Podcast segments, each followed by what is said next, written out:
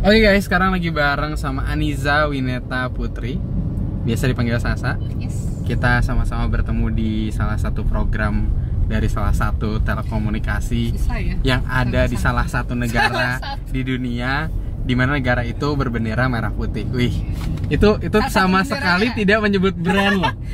Jago nggak sih?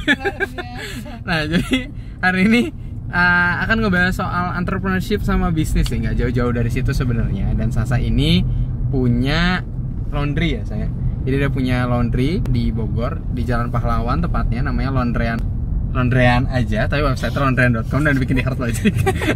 dan uh, Sasa ini punya salah satu clothing line ya, namanya Monifa. Dan Monifa itu adalah salah satu clothing line yang fokusnya ke mana sih? Fokusnya sebenarnya lebih ke menampilkan warna-warna yang cocok sama kulit-kulit sawo matang, kulit khasnya Indonesia. Hmm, kita Khususnya banget ya. perempuan. Kita sama matang nggak? iya, Beb. Ya. Iya. Jadi Benar. jika kamu memiliki kulit yang mungkin mirip sama kita ya, kamu cocok pakai produknya Sasa. Dan produk Sasa itu semua untuk perempuan ya. untuk perempuan. Nah, ini kan kita sama-sama entrepreneur nih saya Udah sini istilahnya. nggak apa-apa ya, Bang? apa-apa, nggak apa-apa. Eh, jangan lihat sini nanti nabrak. Iya, ya. Sasa, Sasa- kita sama-sama entrepreneur nih. Hmm. Eh, dan baru lulus kuliah tahun lalu ya Sasa Iya, ya. tahun lalu. Aku lulus dua tahun lalu dan Sasa lulus eh, satu tahun yang lalu dari IPB. Kenapa sih bisnis aja gitu? Ini tuh benar-benar purely bisnis. Nggak kerja kan ya habis habis kuliah kan langsung nggak kerja. Ini udah udah setahun nih berlalu ya berarti ya.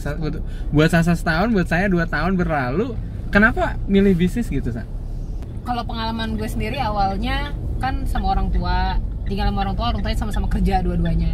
Itu nggak enak, jujur. Kayak diurusin sama mbak, ya nggak nggak terlalu dekat sama orang tua. Jadi gue berpikir kayak kalau misalkan gue bikin bisnis, waktu bisa gue atur sendiri, terus bisa tergantung sama gue gimana kerjanya apakah lagi lagi mut-mutan nggak nggak boleh sih sebenarnya mut-mutan cuma yang gue suka sih itu bisa ngatur waktu sendiri aja sama bisa bantu keluarga juga kalau keluarga lagi kenapa-napa gitu. Oh, awalnya karena itu. Dan kenyataannya bisa nggak? Susah nolak sebenarnya kalau Susah orang nolak. keluarga Susah nolak tapi kalau emang karena ke- karena waktunya fleksibel jadi emang lebih bisa dimanfaatin sama keluarga sih kayak Hmm. kayak gini contohnya jemput adek itu keluarga ya. itu keluarga tapi eh mungkin kalau dari segi apa ya gengsi ya saya kayak kadang-kadang kan ada orang-orang yang lebih suka kerja dan lain jujur gue sempat kegoda Untuk bekerja di salah Iya. satu korporasi. iya gitu betul ya. karena Oke. gangguan dari sosial media juga sih maksudnya kayak dari Instagram orang-orang pada foto sama teman-teman kantor ya sedangkan gue gak punya teman kantor Iya benar banget sih. Iya sih. Terus, dan pegawai sama teman kantor tuh ya Iya, maksudnya sama, tapi beda, gimana ya? gitu Iya, Ya, beda iya. lah kalau lu beda pasti kan lu masih seumuran kalau gue kan nggak ada yang nggak seumuran juga Nah itu yang lain nggak seumuran tadi yang pegawai laundry itu? Eh, itu di bawah gue Hmm. hampir semua tuh di bawah gue Hmm. yang satu di atas gue jadi nggak ada yang emang tukar bertukar pikiran gitu kalau lu kan beda kalau lu kan enak lah bisa- sepantaran bisa, masih, semua. ah, masih sepantaran semua bisa Iya. ngobrol juga gitu kalau gue yang enggak harus tetap jaga bahasa juga gitu, Iya, iya. gitu sih Oke, dan gimana sih ini kan udah dua tahun, setahun ya maaf ya, Hmm. setahun berarti ya. Laundryan pun udah dua tahun ya, laundryan udah dua tahun. Ah, dari pertama kali mulai laundryan, gimana sih stres ya sebenarnya atau atau gimana? Eh, jujur sempat stres sama Londrean dan Monifa sebenarnya dua-duanya Dua-duanya. Iya. Kenapa stres sama laundryan kenapa? Stres sama Monifa kenapa? karena dulu gue per- gue pernah punya pengalaman bisnis tapi memang belum yang sejual beli itu belum serunning itu tapi udah gagal duluan Belum running aja udah gagal duluan, oke. iya karena tim akhirnya gue coba sendiri dan emang sepusing itu gitu loh Dan gagal pun masih nyoba lagi ya. iya iya sih Apa sih yang ngebuat kan udah tahu nih sama tim aja gagal, terus tiba-tiba nyoba sendiri tuh kenapa? penasaran aja gitu kenapa sih kalau sama tim gagal kenapa coba kalau gue nyoba sendiri gitu Ternyata Ya. gagal juga. enggak enggak ya. Belum. Pasti, Eh, pasti ada kegagalan kan? ada Iya kegagalan kan? mah ada kegagalan sih ya misalkan gimana ya kalau kegagalan tuh kegagalan sebenarnya lebih ke teknis sebenarnya dibandingkan Teknis, sama diri sendiri ya teknisnya tuh kayak keuangan nggak bisa nanya siapa siapa eh nggak bisa nanya siapa siapa Hmm.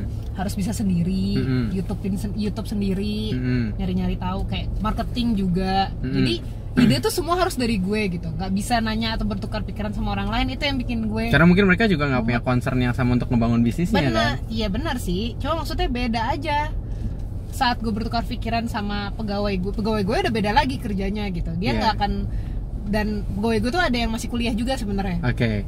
jadi nggak bisa se nggak apa ya namanya nggak Se-connect Tektok itu gitu lah, ya. dan nggak sefrekuensi lah Ah, ya sama nggak sama lo mikirnya harusnya lebih ke sini ternyata dia nggak ke sana Betul, gitu. iya, mereka betul. punya fokus yang berbeda sama lo nggak sih? benar Iya, iya. benar kayak gitu jadi Oke. itu sih paling susahnya eh, teknisnya itu yang susah kayak marketingnya gimana terus keuangannya terus nge-manage orangnya juga itu kan harus dari satu orang semua kok dong kalau kalau gue Iya. sendirian gitu. Hmm. gitu sih tapi kalau untuk diri sendiri ya paling lawan kedownannya itu jadi kadang-kadang suka down ya nggak sih kayak misalkan lagi sepi terus ngedown terus Jadi sebenarnya salah satunya itu lebih ke personal aja nggak sih? ada ya iya personal sama teknis sih Dampak dari bisnis itu menyebabkan Jadi personal. personal. yang mungkin down dan sebenarnya kita berhenti itu kalau misalnya kita ya udah stop aja nggak mau bisnis lagi ya? Iya, sebenarnya itu. Itu aja nggak Tapi sih? entah kenapa kagak stop-stop juga sih. Padahal udah gagal gagal gagal. Gagal Tapi terus. kegagalan terbesarnya Monifa dulu deh. Kegagalan terbesarnya apa sih? Sa? Ini udah berapa lama sih Monifa? Monifa hampir setahun juga. Satu tahun Monifa Hampir, berjalan. hampir. Hampir satu tahun dan udah punya apa ya sekarang? Toko, Udah punya toko, terus eh, Instagram sih. Instagram, terus Terus di e-commerce juga. e-commerce juga. Jadi masukin barang ke e-commerce ya. Iya, benar. Dan apa kegagalan terbesar yang Monifa menurut Sasa dari harusnya aduh jangan deh jangan diulangin deh. Kegagalan terbesar gue adalah nyewa toko Kena tahu tokonya di mana di di mana itu itu di? TC Kuningan. Tapi sebenarnya alhamdulillah sih masukan banyak dari sana ya. Hmm. Cuma karena gue so ide dan so tahu pede dan Tadinya, pede aja tadinya. dan pede aja itu Heeh. gue buka toko Wah, Heeh. tapi nggak memikirkan biaya-biaya yang lain gitu. Jadinya modal ke patoknya di toko doang. Oke. gitu. Jadi itu sih sebenarnya kegagalan. Menurut gue kegagalan terbesar gue di situ kalau Monifa Hmm. kegagalan gue malah saat gue bikin pertama kali tuh rencananya jelek banget. Sejelek Hmm. itu gitu. Jadi dan ke depannya benar-benar pengen plan yang sangat presisi Justru gitu karena gagal itu jadi banyaknya plan-plan yang lain yang muncul untuk menyelesaikan kegagalan tersebut ya. Iya, justru jadi belajar sih. Jujur aja misalnya kayak benar-benar belajar kalau plan yang bagus itu kayak gimana sih sebenarnya untuk untuk perjuangin Monifa gitu Jadi sebenarnya itu lebih ke shifting nggak sih atau atau tetap di bisnis yang sama atau apa sih sebenarnya yang ngebuat gagal ini gedenya tuh karena apa sebenarnya? Kan toko udah udah dibeli nih, Hmm. saya udah disewa gitu ya tokonya. Terus apa yang ngebuat Monifa masih gagal juga padahal itu kan udah ya itu istilahnya aset lah. Hmm, mungkin di ini juga pemilihan target pasar juga ya Jadi target jadi- pasar yang belum fokus. Iya benar. Jadi target pasar dulu jadinya sama kayak online shop online shop lain gitu nggak punya karakteristik dulu tuh Monifa. Se nggak punya itu. Maksudnya kayak jadi seperti disamakan sama online eh, online shop yang impor baju gitu loh. Hmm, Tapi kalau sekarang Sekarang sih enggak. Sekarang lagi me- sekarang lagi eh, berusaha untuk menggayat target pasar spesifik. Gak spesifik sih, maksudnya kayak ada ciri khasnya lah untuk Oke, jadi Sasa ini kita udah sering sharing satu tahun ini lah ya kita kayak sering banget Nah, sharing. karena ini sebenarnya kenapa gue sharing sama Ben Hart sendiri, karena Ben Hart memiliki eh, posisi yang sama juga gitu. Dia nggak kerja, ya dia kerja sih, cowok saya magang gitu ya. Hah? Tapi langsung bisnis. Hah? Dan karena gue nggak punya tim member juga, jadi gue diskusi sama Ben Hart terus.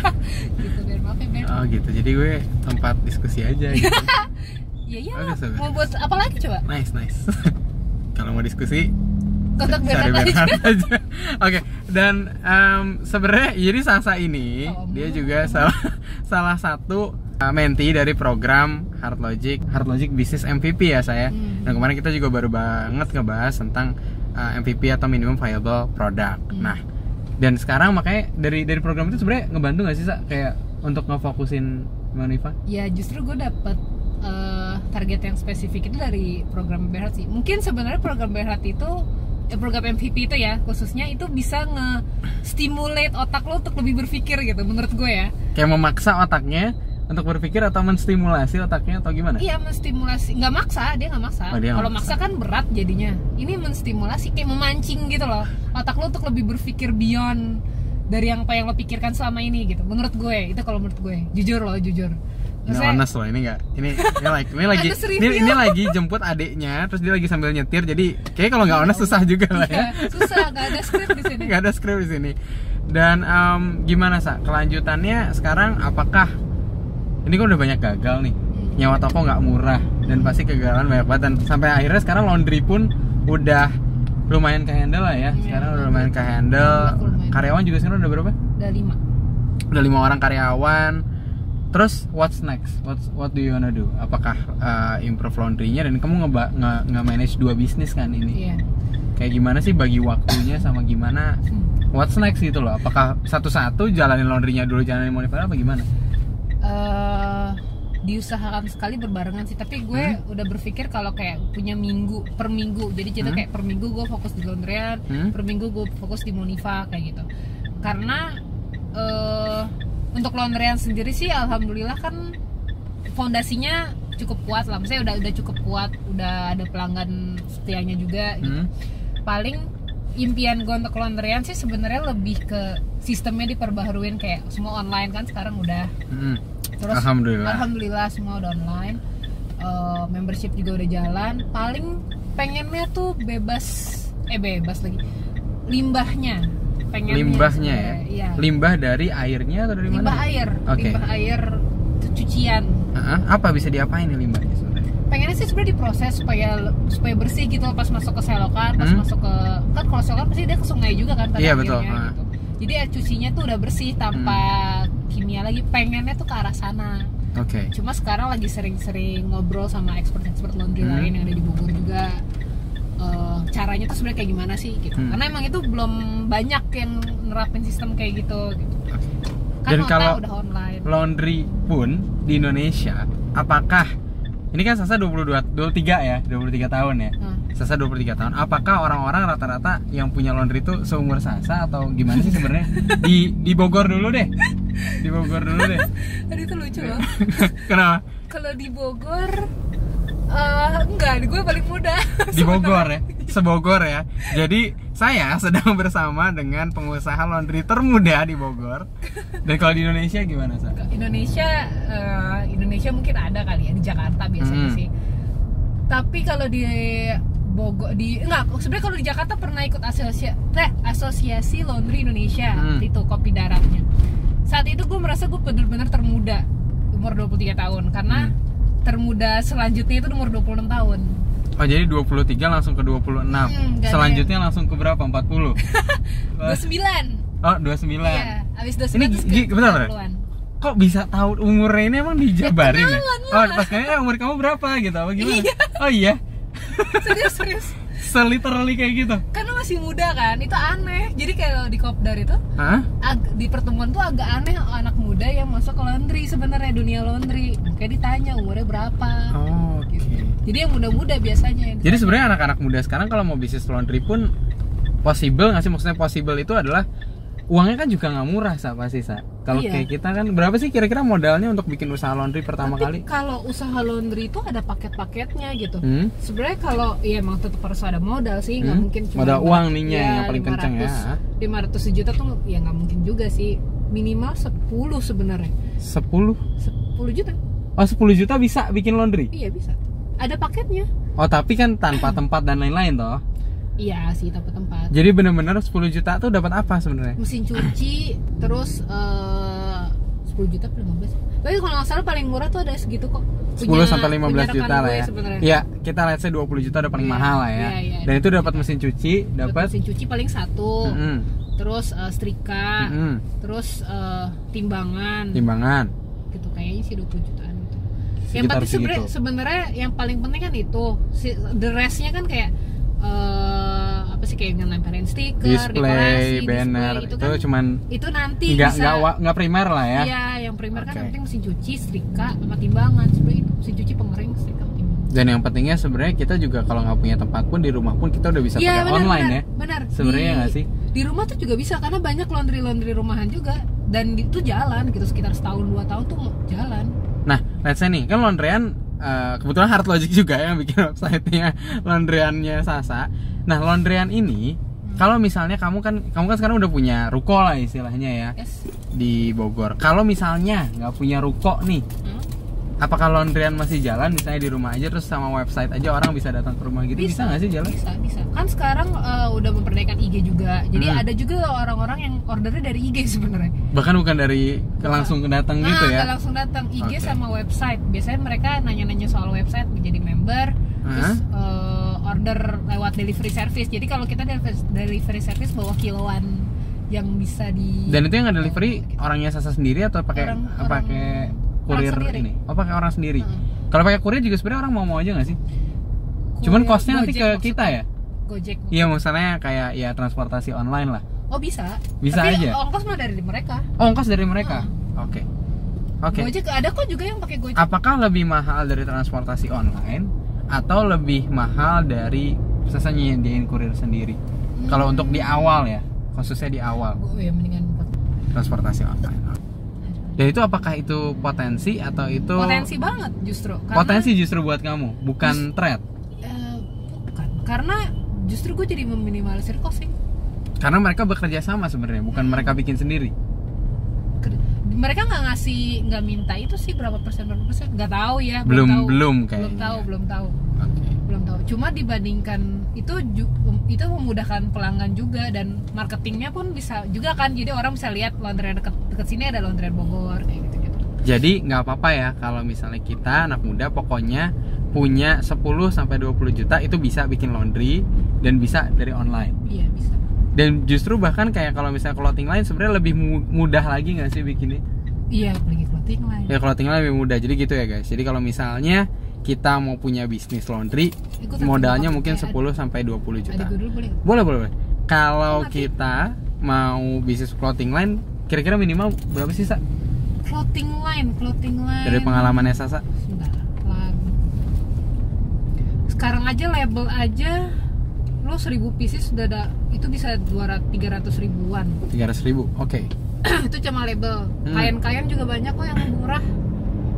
Langsung aja ke telepon-telepon. HP-nya mati baterainya. jadi jadi tinggal sejuta dua juta aja Eh, cukup nggak sejuta dua juta buat bikin satu koleksi Oh, satu koleksi. satu satu yang yang penting bisa mulai deh 3 juta. 3 juta ya untuk brand yang Koleksi ya. seperti Monifa ya Sebenarnya kayak gimana ya? Untuk memunculkan koleksi aja ya. Hah? Koleksi baju doang loh ya. yang penting punya dulu produk yang mau dijual deh Ah. itu 3 juta cukup 3 juta cukup. 3 juta. Oke, Label, berarti itu pilihannya tuh kalau misalnya bisnisnya bisa juga mungkin kalau misalnya pengen bisnis fashion bisa juga dari reseller juga bisa. Reseller dulu sampai uangnya kekumpul iya, baru reseller juga bagus. baru mulai ke sini. Dan Kalau mau jadi reseller Monifa juga bisa lah ya. Bisa dong. Bisa dong. Nanti kalau misalnya kamu pengen tanya-tanya tentang Monifa atau pengen tanya-tanya soal laundryan gitu, kira-kira ada websitenya nggak sih? Website di mana? Sosial medianya di mana? Dan yang paling mudah ngakses dari mana sih? Eh, by by the way, Monifa websitenya udah selesai. Oh, udah, iya? udah udah maksudnya udah udah udah udah ada, udah bisa Oh. diakses. Jadi di mana sa? Laundryan di mana? Monifa di mana? tinggal di laundryan.com. Mhm. Itu websitenya, Hmm. itu ada kontaknya juga. Untuk Instagramnya laundryan Bogor. Oke, kalau Monifa? Kalau Monifa di my.monifa itu Instagramnya. Hmm? Kalau websitenya mymonifa.com. Oke. Eh, iya benar. Sip, thanks a lot for today. Dan ini kita kayak udah deket ya sama sekolahnya Iya, ya. sekolahnya. Oh, ini sekolahnya. Oke, kita bakal jemput dulu adanya Sasa. Oke guys, thank you for watching dan bakal banyak banget nih edisi-edisi ini. Jadi nggak tahu ini edisi apa ya Mil ya? One day with laundryan. One day with London. ya intinya kita bakal bikin banyak banget video. Kita bakal bikin banyak video sejenis kayak gini. Jadi sambil ngobrol aja santai di mobil eh, dengan orang-orang pelaku praktisi dunia Wah. entrepreneurship dan bisnis.